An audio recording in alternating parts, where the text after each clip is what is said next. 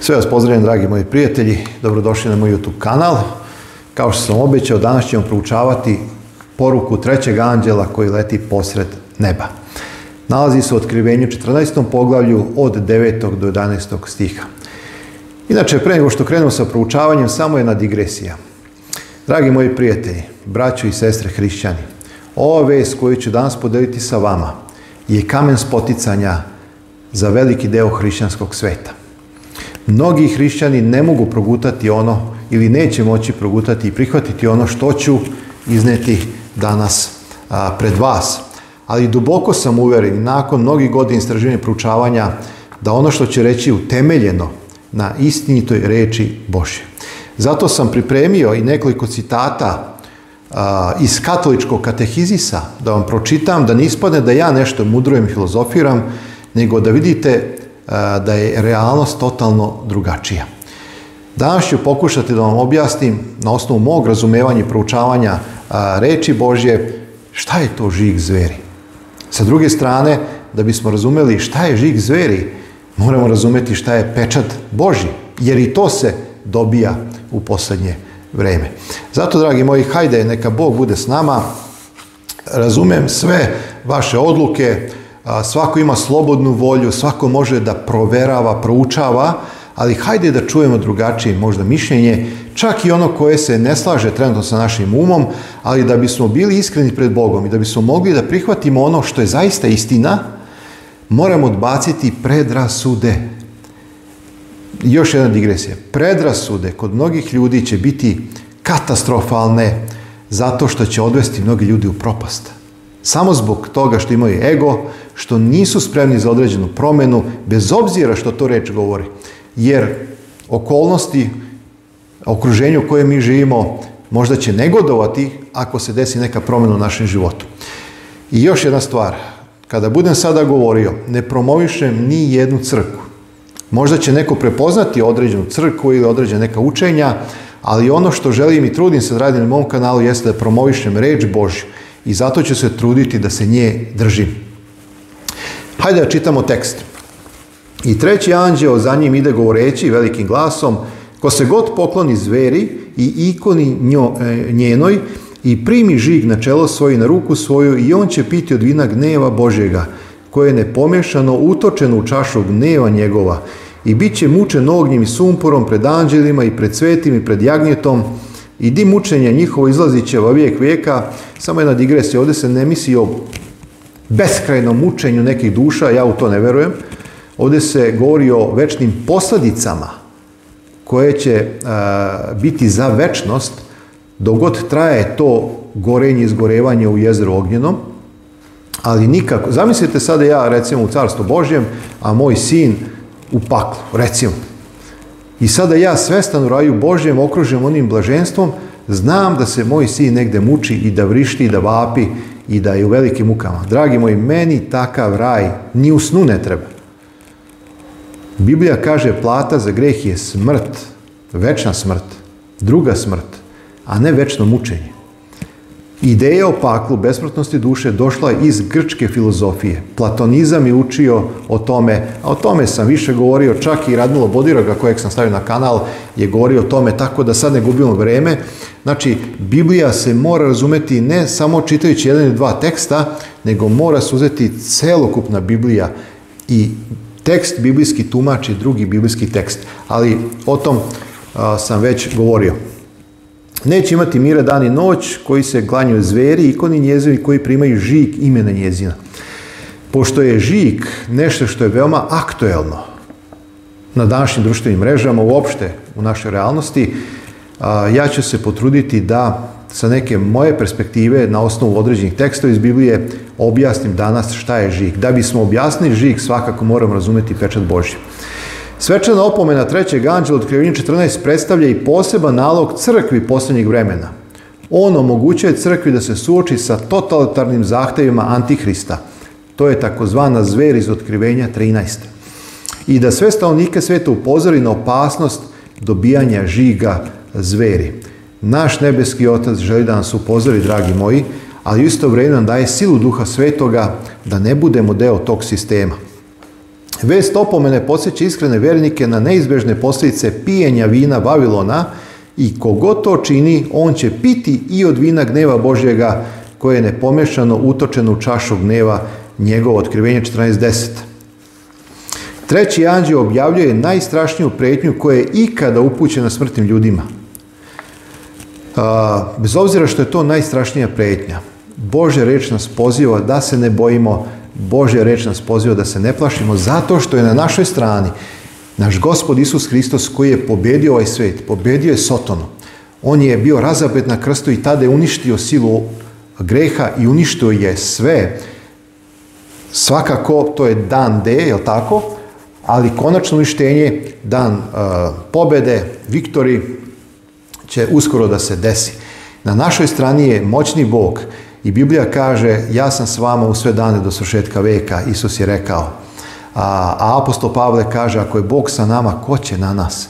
Nemojmo se plašiti, ispunjavajmo se duhom.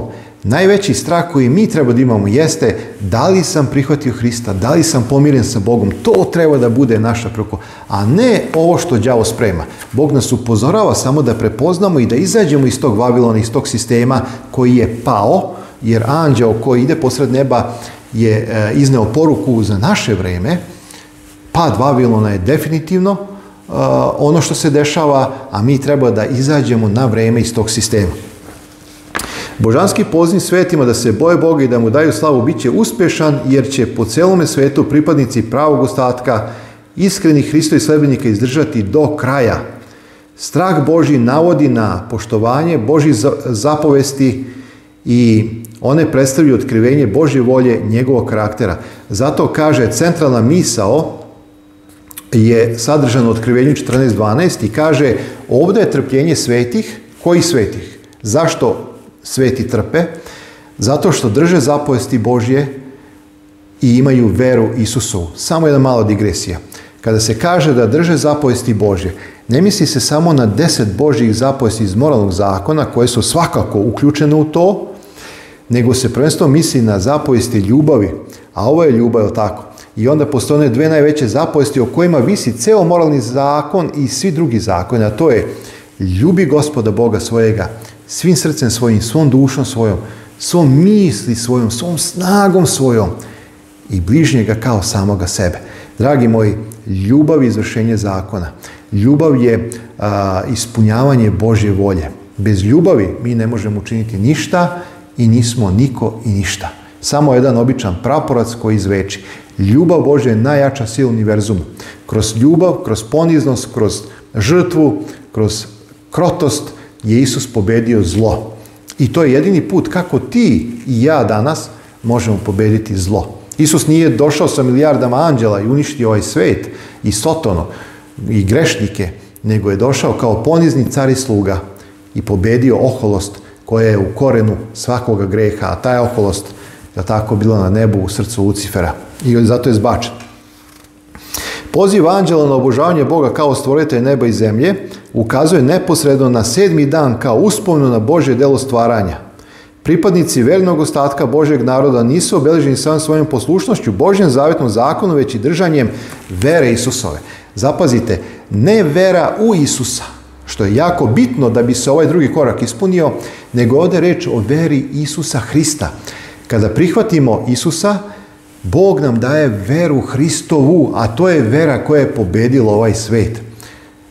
Ostatak, narod koji drži zapovesti Božje i ima veru Isusa Hrista, neće primiti žih zveri, neće se saviti pred pritiskom Vavilona, neće se pokloniti ikoni njezini niti primiti bilo koje obeležje ovog otpalog sveta koji ide ka sigurnom uništenju.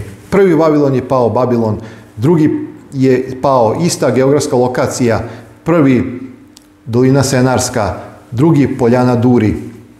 Ovaj današnji Babilon e, nema neku geografsku lokaciju, ima svoje središte, jel tako, svakako u tom otpolom religijskom sistemu, ali je obuhvatio svojim kanđama svakog čovjeka. Zato i troanđelska vijest se propoveda svakom čovjeku, svakom narodu i svakom plemenu.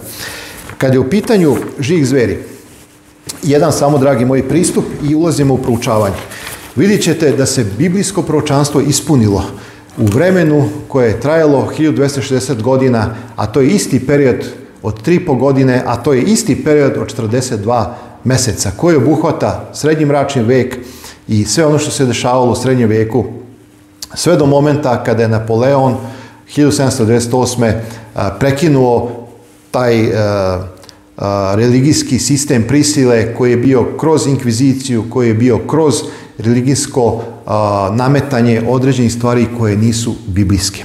E sada, dragi moji, evo jedno proročanstvo i pokušat ću da objasnim šta je žig zveri, a šta je pečat Boži. Danas na društvenim mrežama i danas se mnogo propagira čip. Definitivno, vlasti ovoga svijeta žele da nam uzmu novac, papirni novac, keš novac, mogućnost da ti i ja budemo oni koji kalkulišemo i koristimo novac kad hoćemo i kada hoćemo. Znači, oni žele da ga sklone, oni žele da ga stave u čip, pokušat će to da stave u naše telo ili će ga imati možda u nekom drugom obliku, jer definitivno veliki broj ljudi ne znam da li će na kraju prihvatiti taj čip da uđe u njihovo telo, ali čip nije žig zveri. On nas uvodi u žig zveri, jer kada ja imam novac u svom džepu, ja mogu da odem u radnju, da kupim hranu, mogu da platim porez i imam svoj dom gdje živim. Ali kada mi neko napravi da novac bude samo digitalan, i ako ja nisam pokoran sistemu i kada mi isključi to, kako ću ja kupiti, kako ću prodati, Biblija kaže nećeš moći ni kupiti ni prodati, zato što nećeš više ti biti vlasnik i gospodar novca, nego oni koji ga drže u banci. A to je ova svetovna vlast, ovaj otpali Babilon religiozno-politički sistem. S jedne strane imamo ekumenizam koji želi dojedini sve religije da bude jedna.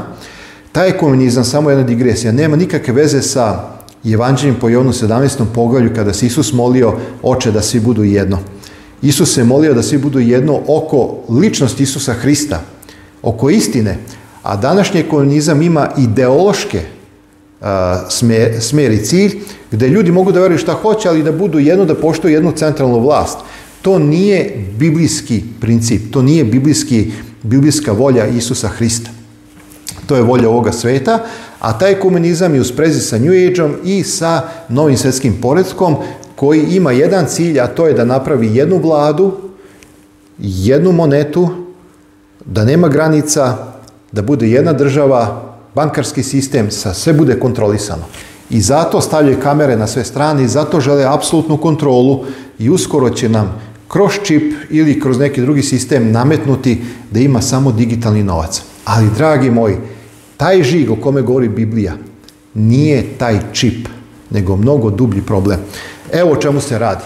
Večiti problem, i to je ono što sam rekao, je kamen spotican za mnogi hrišćani, jeste vreme koje nam je određeno za odmor, vreme za bogosluženje. U Bibliji se spominje da je subota sedmi dan, ovaj svet danas prihvata da je nedelja sedmi dan. Istina može biti samo jedna. Biblija nam govori da će dan za svetkonje biti promenjen. Danilo Prorok sedma glava govori o četiri carstva u obliku životinja. Vavilonsko, medopersijsko, grčko, rimsko, kasnije se deli na deset careva, a iz tih deset careva izlazi jedan car koji se razlikuje. To je religiozna sila. I ta religiozna sila radi sljedeće. 25. stih kaže, govorit će reči na višnjega, znači ta religiozna sila se protivi pravom Bogu, Potirat se, će svece Višnjega i sada zapazite, pomišljat će da promeni vremena i zakone i da će se u ruke za vreme, vremena i po vremena. Potom će se sesti, uzet će mu se vlast i tako dalje. Znači, za vreme, vremena i pola vremena je isti vremenski period od 260 godina proročki, a to smo proučavali u emisiji da je otpočeo sud na nebu, nebeski sud, odgledajte tu emisiju, i to je isti proročki period od 42 proročka meseca. Znači, 1260 godina je isto što i 42 proročka mjeseca, a to je isto što je vrijeme, vremena i povremena. U tom periodu bit će promijenjeno vrijeme i zakon. Vrijeme koje je Bog odvojio za svetkovanje bit će promijenjeno. Zapazite nekoliko citata koji o tome govore. Citat iz katoličke pres štampe u Sidneju, Australija. Kaže ovako, Nedelja je katolička institucija i njen zahtjev da bude poštovana može biti odbranjena jedino na katoličkim principima. Inače, kad je u pitanju e, dan za svetkovanje, jedan poznati teolog Baki Oki u Vatikanu na katoličkom prestižnom univerzitetu u, Rimu, ne znam tačno gdje je odbranio doktorsku disertaciju i pokazao da je subota dan za svetkonje. Zamislite, u katoličkoj predstavnici je odbranio doktorsku disertaciju i pokazao. Drugim rečima, dragi moji, e, katolička crkva danas nema problema da prizna i da kaže da, subota je sedmi dan, u Bibliji to stoji, ali na, zbog autoriteta crkve mi smo imali moć da promijenimo dan za svetkovanje. Pa čekajte, dragi moji, pa u Bibliji četvrta zapovest govori o, o, suboti kao sedmom danu, koji je posvećen i blagosloven. Pa ko to sme da menja? E pa ono što smo čitali u Danilu 7, taj mali rog koji će podići se, vidite, podiće se na Boga, govorit će protiv Boga i kaže pomišljeće da promeni vremena i zakone i daće mu se u ruke za vreme i vremena ili po vremena a to je ono što se desilo u prošlosti. Evo, upravo čitam, oni o tome govore da su to oni uradili. Od početka do kraja Svetog pisma nema ni jedan stih koji odobrava prenos javnog sedmičnog bogosluženja sa posljednjeg dana sedmice u prvi. Inače, samo jedna digresija. Ja ovdje ne želim da promovišem takozvane tako subotare kako, kako ljudi zovu, niti adventističku crkvu sedmog dana, niti baptiste, sedmog dana, niti bilo koje hrišćane ili pojedince koji svetkuju a, subotu. Znači ja samo želim da kažem šta je istina. Zapazite dalje, list katoličko ogledalo iz 18. septembra 1824. godine ovo kaže. Katolička crkva, ja ću ispod mog videoklipa staviti ove citate i možete pročitati. Tamo ispod videoklipa ima opis. Katolička crkva je za više od hiljadu godina pre postojanja protestanata na osnovu njene božanske misije promenila dan sa subote u nedelju. Vrlo otvoreno. Ovo ne govorim ja. Ja znam da je e, četvrta zapovest moralnog zakona, zapovest koja govori. I pazite, to svi hrišćani znaju. Da je subota u Bibliji sedmi dan. Jer kad Isus umro i vaskrsao, Biblija nam kaže, a na osvitak prvog dana u nedelji dođeše Marija Magdalena i na grob i videše da je kamen odvaljen. Znači, prvi dan u koji je Isus vaskrsao, takozvana nedelja, kako je mi zovemo, Sunday, Sontag i tako dalje, drugi naziv u drugim jezicima, je uvijek bio prvi dan. I Biblija kaže da Isus vaskrsao u prvi dan nedeljni i da su oni došli na grob. A u subotu ostaše u miru po zakonu, kaže biblijski tekst. U prilog ovim tvrdnjama pročitamo teksto iz dva katehizma, najpre iz preobražaja katehizma katoličke doktrine iz prečasnog Peter Germana. Zapazite, dragi moji, Pitanje, koji je dan odmora? Odgovor, subota je dan odmora. Pitanje, zašto mi svetkujemo nedelju umjesto subote? Odgovor, mi svetkujemo nedelju umjesto subote zato što je katolička crkva na Laodikeskom koncilu izvršila promjenu svetosti sa subote na nedelju. Pazite, Bog daje prstom svojim Mojsiju zapovesti koje piše na kamenu, prstom svojim Bog. I kaže da je subota posvećena i blagoslovena, a ovdje katolička crkva menja svetost sa sedmog na prvi dan. Drugi je od prečasnog stevena Kenana, doktrinalni katehizam, gdje čitamo sljedeće. Pitanje – Imate li bilo kakav drugi dokaz koji dokazuje da crkva ima moć da uspostavlja pravila svetkovanja? Odgovor. Da nije imala takvu moć, ne bi mogla uticati na to da se skoro svi moderni pripadnici religije slože s njom. Ona ne bi mogla izvršiti zamenu svetkovanjem nedelje prvog dana sedmice umjesto svetkovanja subote sedmog dana, to je promjena za koju nema autoriteta u svetom pismu. E sad, zašto sam ovo pročito? Pa zato što se ja držim svetog pisma. A oni kažu da ta promjena nema podršku od strane Svetog pisma. Moj stav, vrlo jasan, dragi moji, vrlo precizan, jeste ja se držim, tako kaže gospod. Vi morate odlučiti za sebe kako ćete i šta ćete, u kom pravcu ćete ići. To je vaša slobodna volja, ja to poštujem. Ja samo želim da vam iznesem različita razmišljanja koje mogu da vam pomognu u vašem izboru i odluci. Zatim iz knjige kardinala Gibona, stranica 179. kaže, ako je Biblija jedini putoka za hrišćane, tada su baptisti sedmog dana i adventisti sedmog dana u pravu, jer poštuju subotu zajedno sa jevrejima.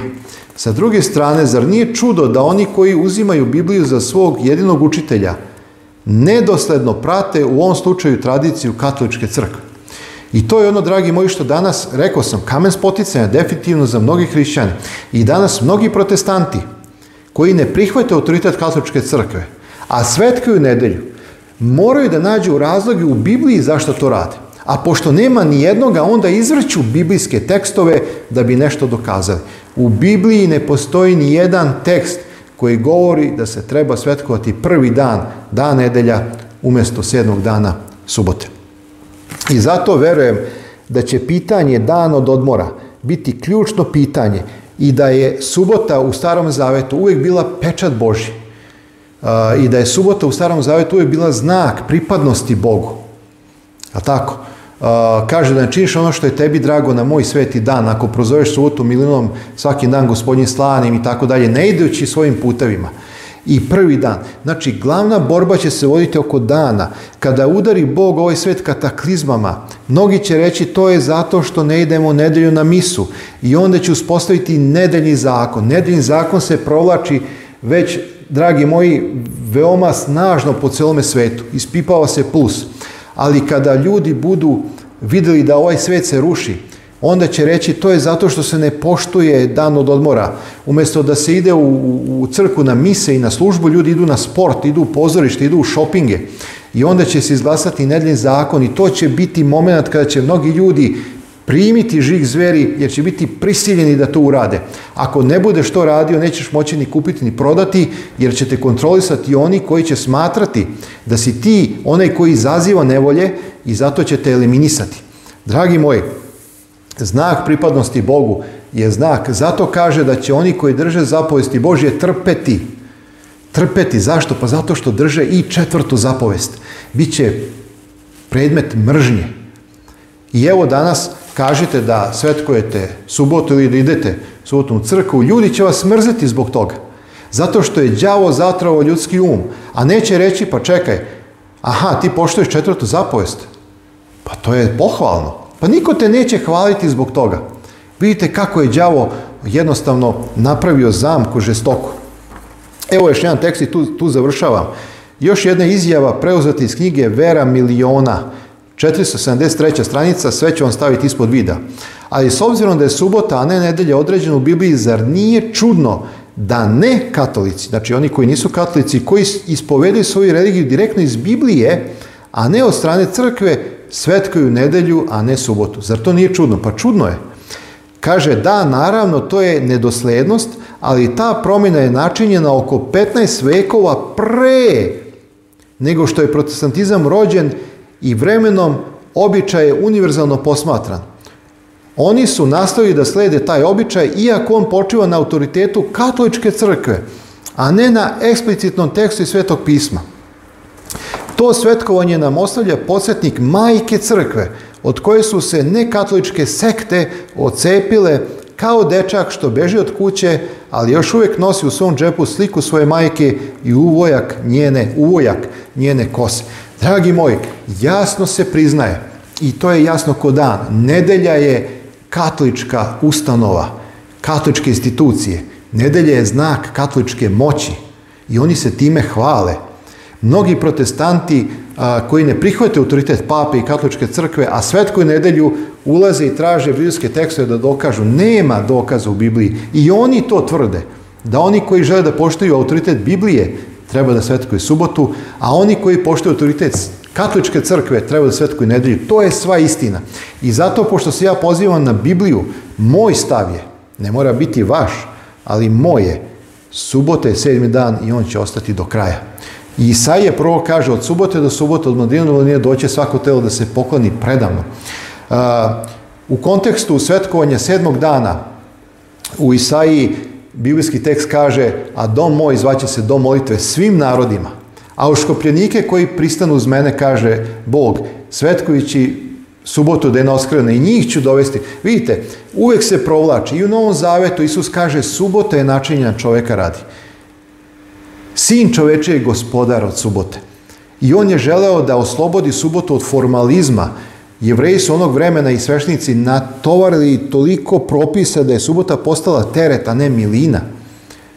Evo, to je ono što ja pronalazim u Bibliji, a i vi kad čitate Bibliju, vidit ćete da se spominje subota. Ja ništa novo ne iznosim. To nije moja misao. Još jedno vas vraćam, dragi moji. I govorit će reči na višnjega, i potirat, će svece Višnjega i pomišljat će da promeni vremene zakone i daće mu se ruke za vreme, vremena i povremena i katolička crkva se diči tim i kaže pa da nije imala moć, drugim rečima da joj nije dato, ona to ne bi mogla uraditi. I zato katolička crkva kaže autoritet naše crkve počiva na nedelji. A oni koji žele da svetkoj subotu, oni moraju da se pozovu na, na autoritet Biblije.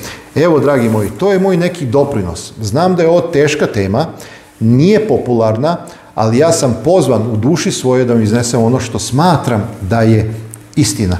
Neka vas, dragi Bog, blagoslovi u vašoj odluci.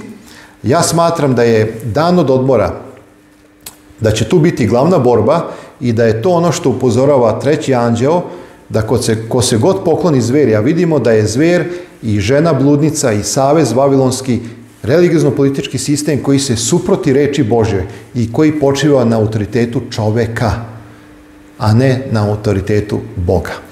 Svako mora donijeti odluku u kom pravcu će ići. Ja vas pozivam da budete verni Bogu bez obzira na cenu. Isus kaže, put spasenja je uski put i malo ih je koji ga nalaze. A na drugom mjestu kaže, kada se vrati sin čoveči, hoće li naći veru na zemlji? Veru Isusovu i držanje Božih zapovesti. Rekao sam, to nije legalizam, jer vera Isusova isključuje legalizam. Svakom dobro želim i uskoro se vidimo u novoj emisiji gdje ću govoriti o svrhi i smislu života u svetu koji se ruši. Još jednom veliki pozdrav!